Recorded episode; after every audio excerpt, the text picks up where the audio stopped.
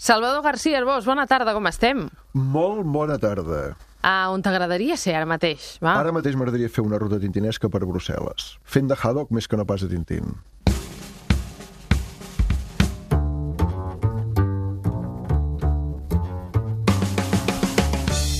I si Salvador García Arbós, eh, periodista gastronòmic i s'ha vist aquí als estudis de Catalunya Ràdio, vol dir que parlem de viatjar, que ens toca viatjar, vaja.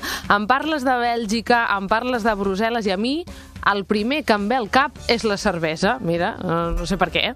Bueno, No dec ser eh, l'única. A Bèlgica hi ha moltes i moltes cerveses, però si ens hem de centrar en una són les làmbiques. Ahà. Què Tot vol dir l'àmbica? Làmbica, hem de dir, bueno, és un nom rar, però eh, vol dir cervesa de fermentació espontània, com els vins naturals, com vau fer l'altre dia. Ah, sí? naturals, Vam doncs dels és, és el, saps allò, el graó perdut entre la cervesa Mm. i el vi? Làmbiques. És a dir, l'àmbica equivalent al vi natural, fermentació. Fermentació espontània. Seria la cervesa més primitiva de totes, perquè fins i tot el llúpol que hi posen és per conservar i no té cap idea de donar-li amargs ni coses d'aquestes. Interessant, però segur que en deuen haver moltíssimes més.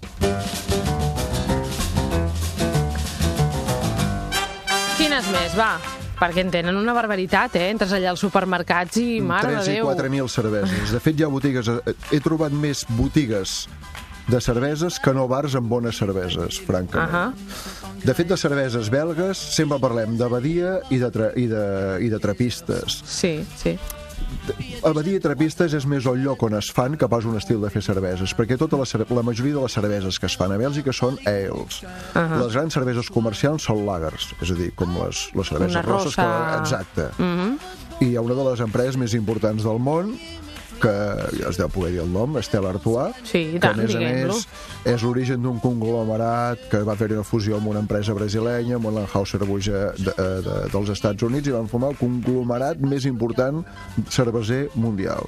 Mhm. Bé, però això no treu que el, diguem-ne, la meca de la cervesa artesana són les abadies i les abadies dels trapistes, Mhm. tremendes. Ah, I a més, em sembla que, bueno, ho vam dir l'altre dia al programa, ara tu em corregiràs, eh? Que la cervesa queda bé amb la xocolata, que és un altre dels hits de Bèlgica. Bueno, a veure, eh, segons quina cervesa queda bé amb xocolata, però la cervesa en genèric no és...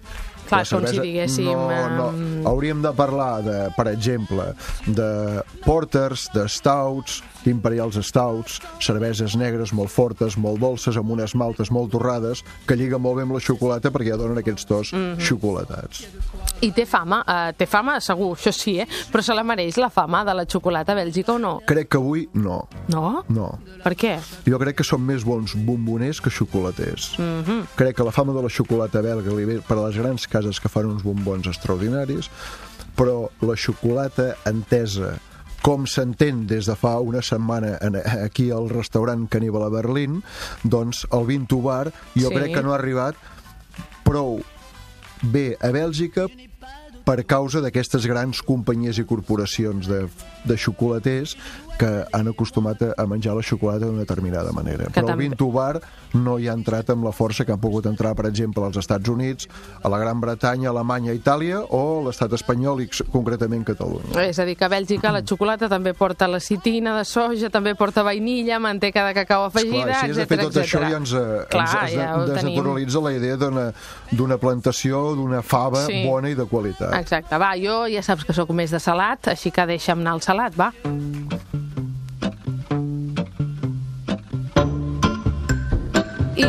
l'aliment estrella, jo diria que són les patates fregides. Sí, o no? Les patates rosses. Tu dius patates rosses. Jo en dic patates no rosses maco, això. i a més a Sí. més, sí, preciós. Però és que jo diria que les patates rosses la cocció de les patates rosses, no les patates rosses, sinó la cocció de les patates rosses en dos temps, en paradinya, és la gran aportació gastronòmica de Bèlgica a la història de la humanitat. Alerta. Sí. O sigui, Bèlgica, a banda de moltes altres coses, eh, com, com ho fan, això de la doble cocció de la patata rossa? Com? Primer què? Ara tothom em dirà, això ja ho sé fer. No, no, això van ser els belgues. Per començar, els belgues estan dividits entre els que fan servir blanc de bef, que és greix de, greix de vaca, de, de vacú, Ah. i els que fan servir olis vegetals. I entre els olis vegetals hi ha els que fan servir per fregir oli de colza, natur, natural, evidentment, i oli, i oli d'oliva. Bé, què fan?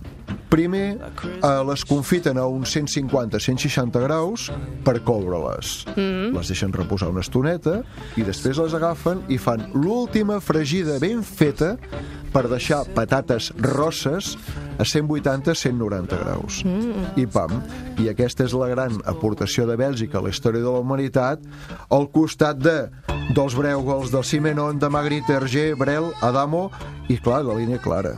I del molt frit, perquè després combinen aquesta patata fregida amb un musclo, que jo això... I com diu molt frit, esclar, arribes allà i diu molt no frit, entenc. molt frit, molt frit. Què vol dir molt frit? Molt frit vol dir eh, musclos i patates rosses. Sí. Però és que, a més a més, han fet una aberració lingüística que els lingüistes eh, del francès se'n queixen, o dels lingüistes francòfons se'n queixen, perquè molt frit la gent es pensa Clar. que són musclos fregits. Sí, no. sí, sí, sí. I a més no seria pas mala idea fer una tèmpora de musclos Mira, fregits. mira, mira. Però no. Però no ho fan així, no no? ho fan així.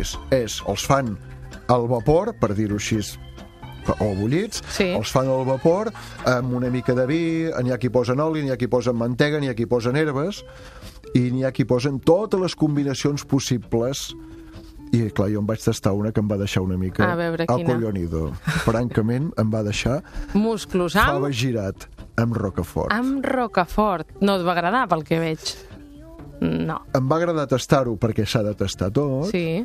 però ho vaig trobar una mica a la remanguiller. És a dir, bufet lliure de musclos a Bèlgica, que en tenim de tot, eh? De rocafort. Jo em vaig arribar a provar de curri. Però això pot tenir gràcia. Sí, tenia una certa gràcia, però jo em quedo amb aquests que diuen ells el naturel, eh? Jo amb ho vi blanc, sí o no? Aquests són els millors. Clar que sí.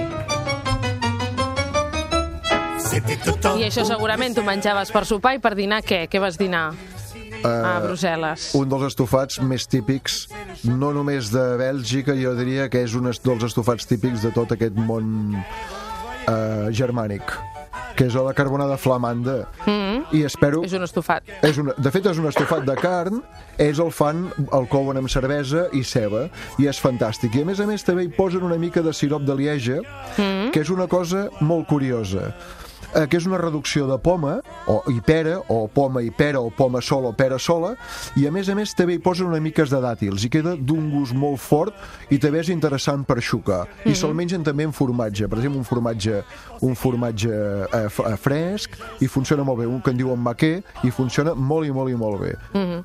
Ah, sé que ets llèpol. Va, tornem al dolç abans d'acabar. Els gofres.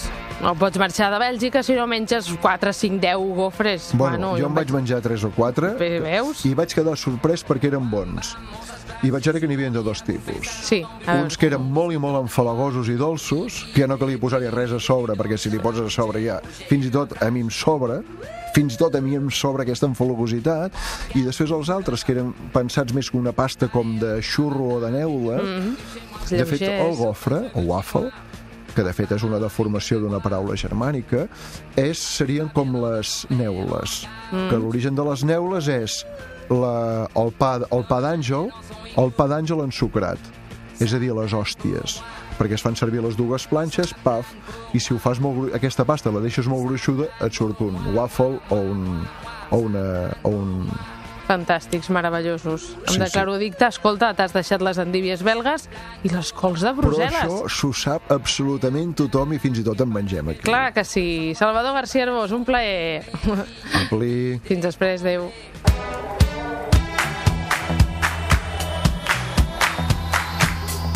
Ens podeu seguir a Twitter i a Instagram amb l'usuari arroba caníbalberlín.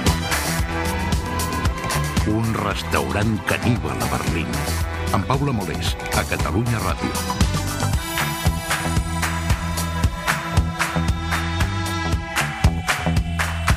De moment no sortim a TripAdvisor. I potser millor.